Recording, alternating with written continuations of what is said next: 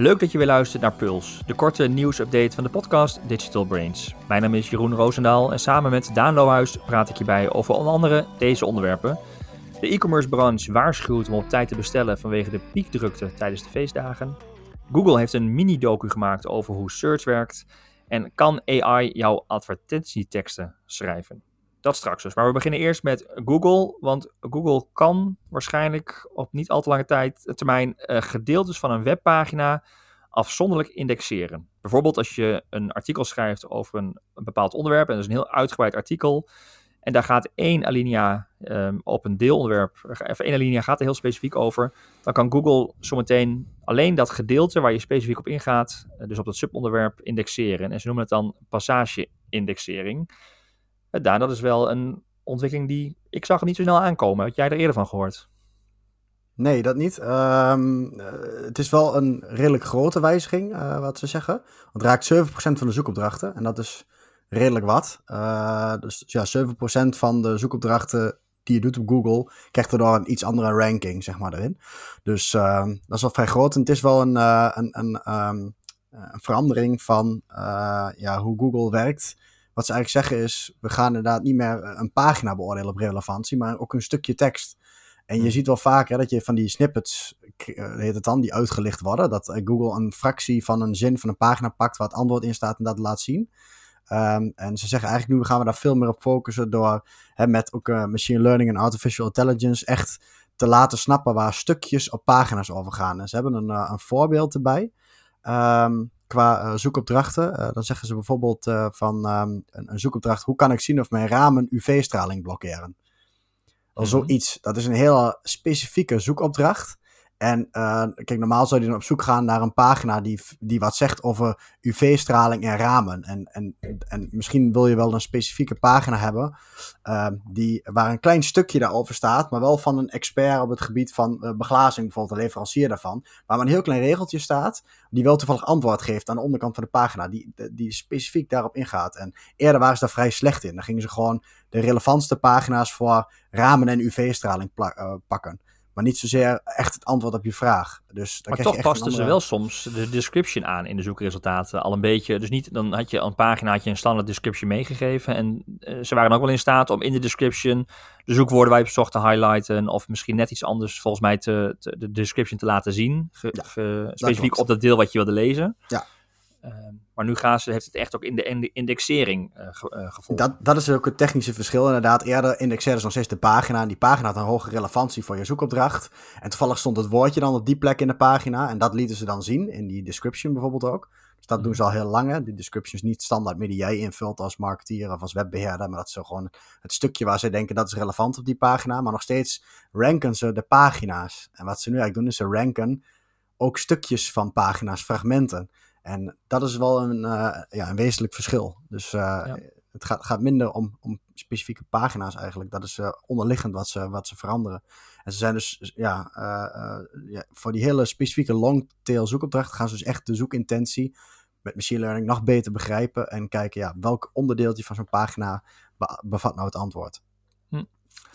Interessante ontwikkeling. Kun je daar als SEO-marketeer al iets op voorbereiden nu? Ja, het belangrijkste, zeggen ze altijd, is weten dat die wijziging uh, aan de hand is. En dat het een onderliggend iets kan zijn wat een hoop rankings van je gaat beïnvloeden. Um, ze rollen het wel gelijk uh, uit. Of zo gelijk uit. Ze hebben niet exacte timing gezet, maar ze zeggen wel gewoon wereldwijd gaan ze het uitrollen. Dus uh, het wordt ook verwacht dat het in Nederland uh, wel impact gaat hebben. Nog niet in een specifieke tijd, maar het, ik denk dat we in, in, van de komende pulses een keer gaan zeggen: hey, we zien nu signalen. Uh, ja, en ik denk dat het, het verschil is dat je dus best wel, um, dat je niet overal kleine pagina's hoeft te maken of elk onderwerp, maar dat je ook, hm. ja, als je antwoord geeft in alinea's op langere pagina's, dat Google daar dus wel goed mee om kan gaan. Dat is wel een verandering van visie op, ja, op hoe je SEO en, en tekst en content op pagina's plaatst. Ja, dus weet dat het eraan komt, hou het in de gaten. Eh, of luister in ieder geval naar al, onze afleveringen uh, en toekomstige afleveringen. Want dan uh, gaan we het zeker vermelden als het uitgerold wordt. Zeker. Zometeen gaan we het hebben over de verwachtingen rondom de piekdrukte van, de, rond, van de feestdagen. We zitten al een beetje in dat koopseizoen hè, met de Black Friday en al dat soort bijzondere dagen voor de echte kerstperiode.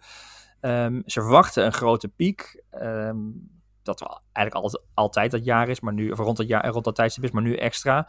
En dat komt ook een beetje voort, uh, Daan, dat ze ook als je terugkijkt over de consumentenbestedingen in het algemeen van eerder dit jaar, hè, er zijn weer nieuwe cijfers bekend geworden, daar zie je ook een, een stijging die, nou ja, mede door corona gewoon huge is. Hè? Ja, uh, even kijken, 12% uh, gestegen in het eerste half jaar. Uh, oh nee, sorry. Um, de totale consumentenbestedingen zijn 12% uh, gestegen naar 6,3 miljard euro. En in het eerste half jaar uh, zelfs ehm, al met 4% naar 12,4 miljard. Um, als je het hele, hele jaar, of hele half jaar bekijkt, het hele half jaar is eigenlijk een beetje gek. Het eerste kwartaal en het eerste, en het eerste half jaar, ik haal de cijfers een beetje door elkaar. Maar hoe dan ook is het um, ja, flink gestegen en het, uh, uh, het aantal aankopen wat online plaatsvindt, ondanks dus de terugloop in de reisbranche bijvoorbeeld. Ja, um, ja wat dat dus ruimschoots nog gecompenseerd en zelfs groeit het in totaal zelfs. dat zal de meeste mensen niet onbekend zijn. Maar goed, uh, ja, je ziet dus een, nu al een, een golf, coronagolf ontstaan. En dan komen de feestdagengolf dus straks ook nog een keer uh, overheen. Uh, mede ook door de aanzet van de Black Friday, Sinterklaas, Kerst. eigenlijk alle dingen waar we de vorige aflevering ook over hebben gehad. die campagnes. Dus ja. ja, en vandaar ook die campagne natuurlijk vanuit de e-commerce branche. Ja. Ja, want uh, webwinkels verwachten na dit jaar een extra omzetstijging van misschien wel meer dan 20% ten opzichte van dezelfde periode vorig jaar. Uh, mede door dus corona. Sommigen denken zelfs dat het gaat verdubbelen. Uh, en dat is de reden waarom de e-commerce branche nu met een campagne komt. Hè. Wees voorbereid, bestel op tijd. En daarmee roepen ze consumenten op om tijdig hun cadeaus te gaan bestellen. en het heeft niet zozeer te maken volgens mij met per se de afhandeling van de webshops. Maar ook gewoon, het moet ook nog allemaal uiteindelijk vervoerd kunnen worden, bezorgd kunnen worden. Uh, hè, de piekdagen um, in het aantal bestellingen liggen uh, dus bij Black Friday, Cyber Monday, hè, 27 november en 30 november liggen al heel erg hoog. Uh, daarna komt Sinterklaas. Uh, vervolgens komt natuurlijk de kerst erachteraan. Dus het, het, volgt elkaar heel snel allemaal op. Dan ook nog een keer de coronacrisis, waardoor we al veel meer bestellen van het huis.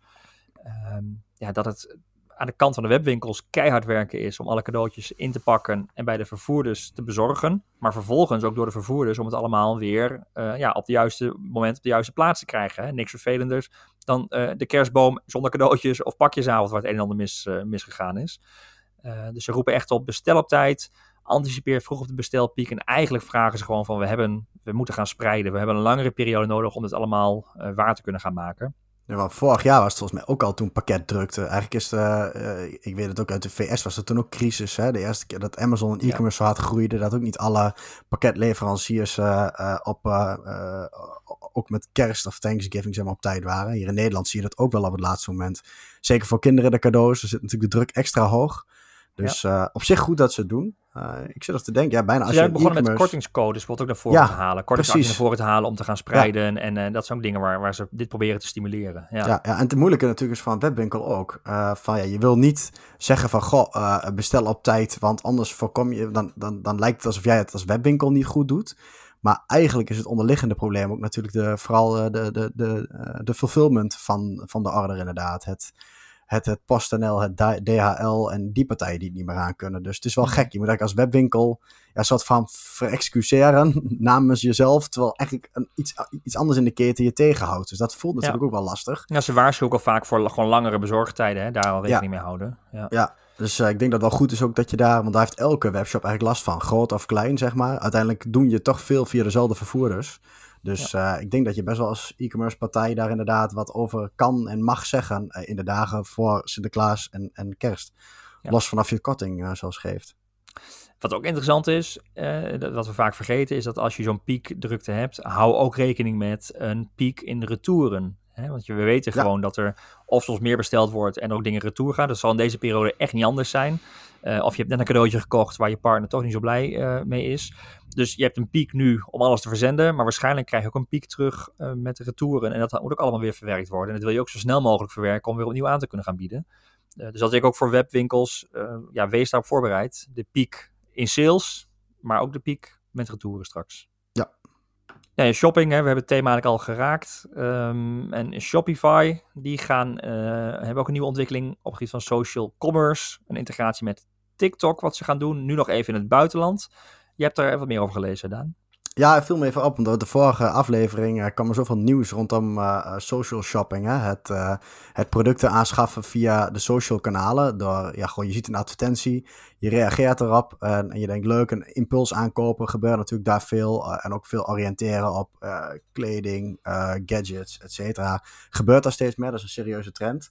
En um, daarin was ons eerder al opgevallen hè, dat Amazon is natuurlijk de grote e-commerce speler in het buitenland in Nederland is dat uh, ook Bol natuurlijk een grote rol heeft. Het hele marketplace verhaal.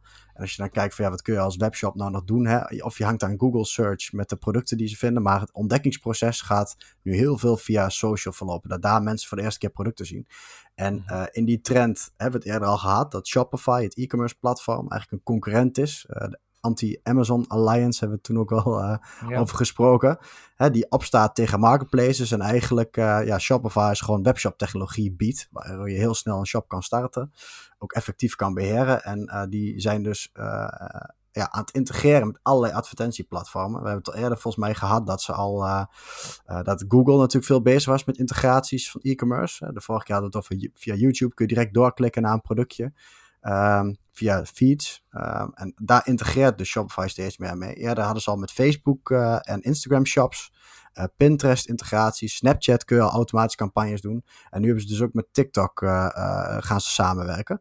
Waardoor je mm -hmm. dus eigenlijk via het Shopify platform, zoals binnen het platform, een TikTok campagne kan starten als je TikTok voor business hebt. Um, okay. Maar dus ook je producten vrij snel, de productinformatie, pricing en dat soort dingen heel makkelijk in een advertentie kan zetten. En dus um, ja, op, op, op resultaat gestuurd ook campagnes kunt gaan draaien.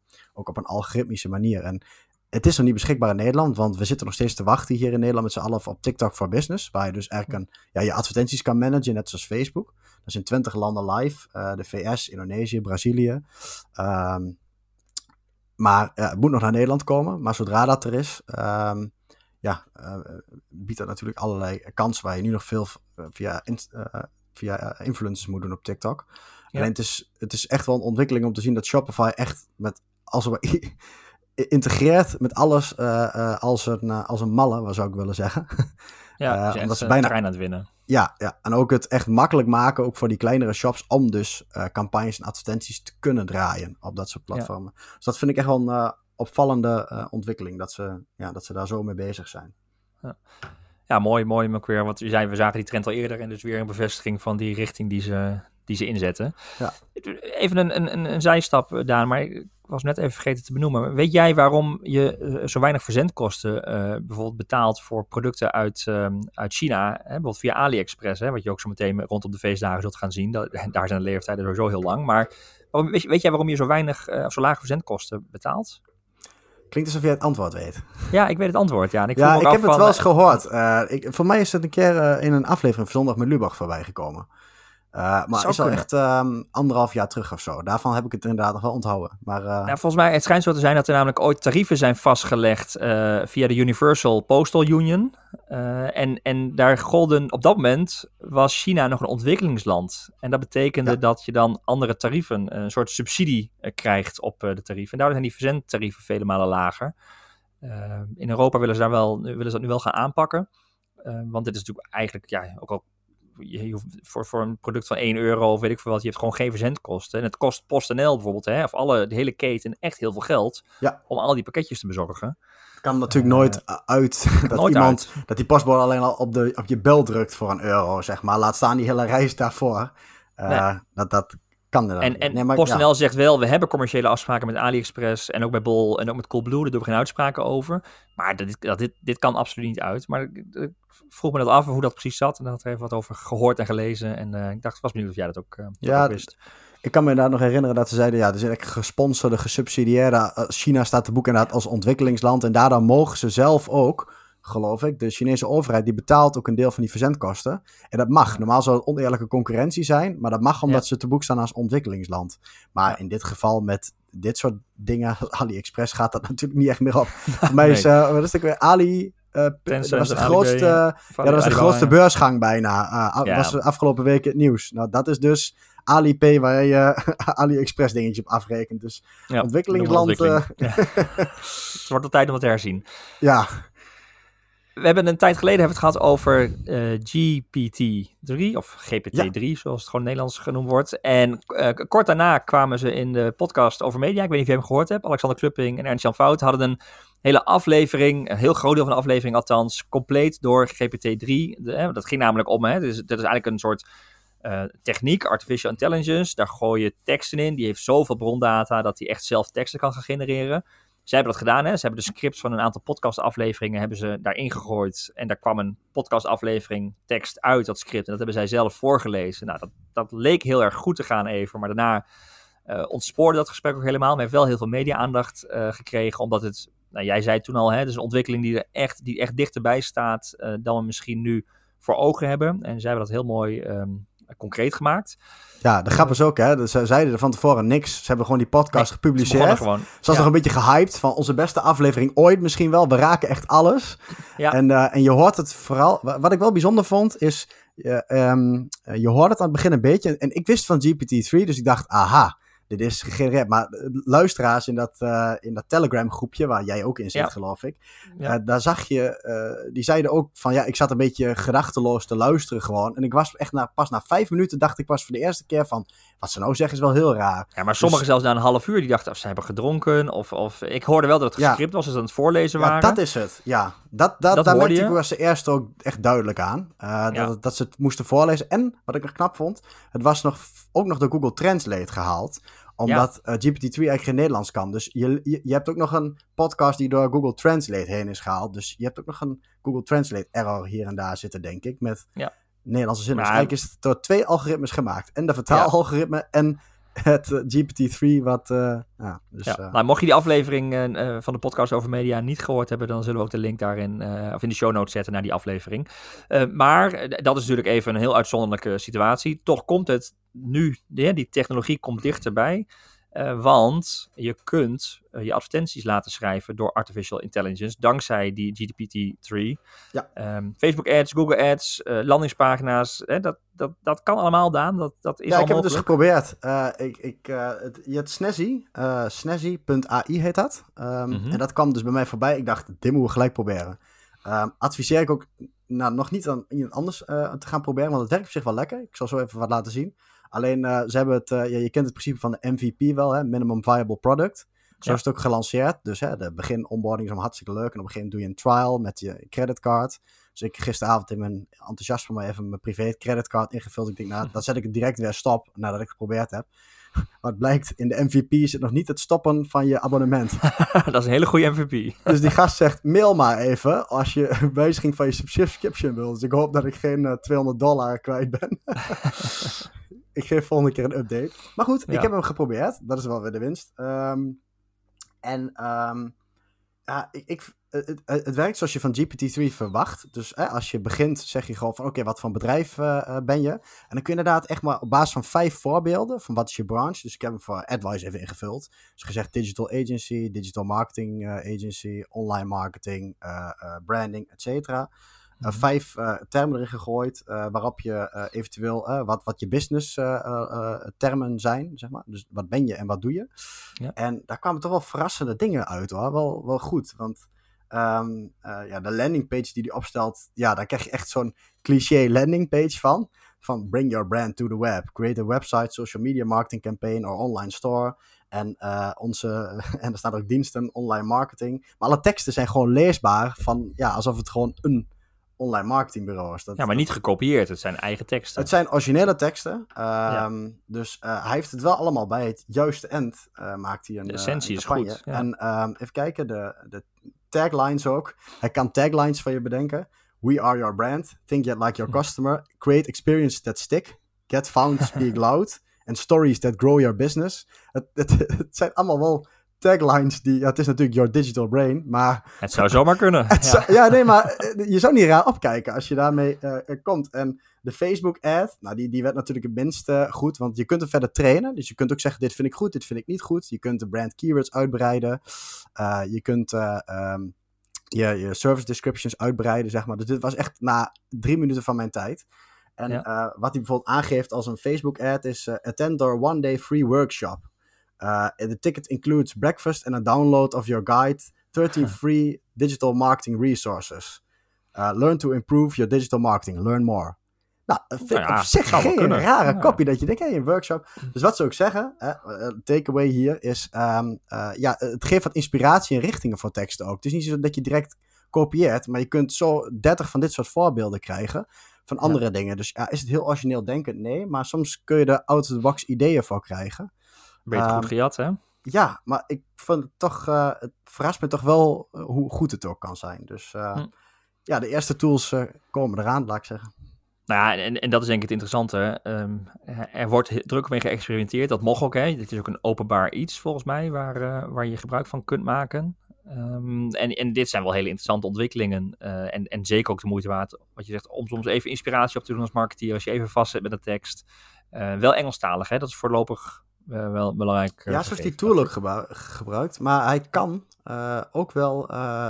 het, uiteindelijke algoritme zou ook Nederlands redelijk goed moeten Ja. kunnen. Dat doet hij ook. Alleen deze tool is natuurlijk gebouwd om, om Engelse spellingcorrectie. En, dus ik verwacht dat je het wel met algoritme kunt bouwen. Maar net als Ja. die, die, die podcast, dan moesten ze op zo'n manier een omweg vinden om, dat, om GTPT te kunnen benaderen. Omdat het nog geen betaalde licentie is, zeg maar volledig. Dat het nog niet echt kan. Maar zou in theorie wel moeten kunnen. Oké. We gaan het zien. Dan kwam jij nog met een leuke kijktip. Eh, Google heeft een mini-docu over hoe search werkt eh, op YouTube. Nee, nee, er zijn natuurlijk heel veel vragen over hoe werkt dat nou allemaal? Hoe werkt zo'n algoritme? Hoe bepaalt Google nou bepaalde dingen? Ja. Gaan ze dat allemaal prijsgeven in deze mini-docu? Ja, eigenlijk uh, tot op zekere hoogte wel. Uh, dat is wel grappig, want de SEO-community heeft er ook echt wat van geleerd. Ik zag ook daarna wat nieuws en zo voorbij komen. Zoals die search updates waar we het net eigenlijk ook over hadden. Die, uh, dat, um, dat die uh, segmenten van de pagina gaan indexen. Ja. Ik, heb, ik begrijp nu beter hoe ze daar keuzes in maken. Want uh, maar de SEO-community heeft ook bijvoorbeeld geleerd deep rank. Daar ging het al heel lang over. Dat zou een nieuw algoritme kunnen zijn. En we hebben het vorig jaar volgens mij al gehad uh, van de BERT update.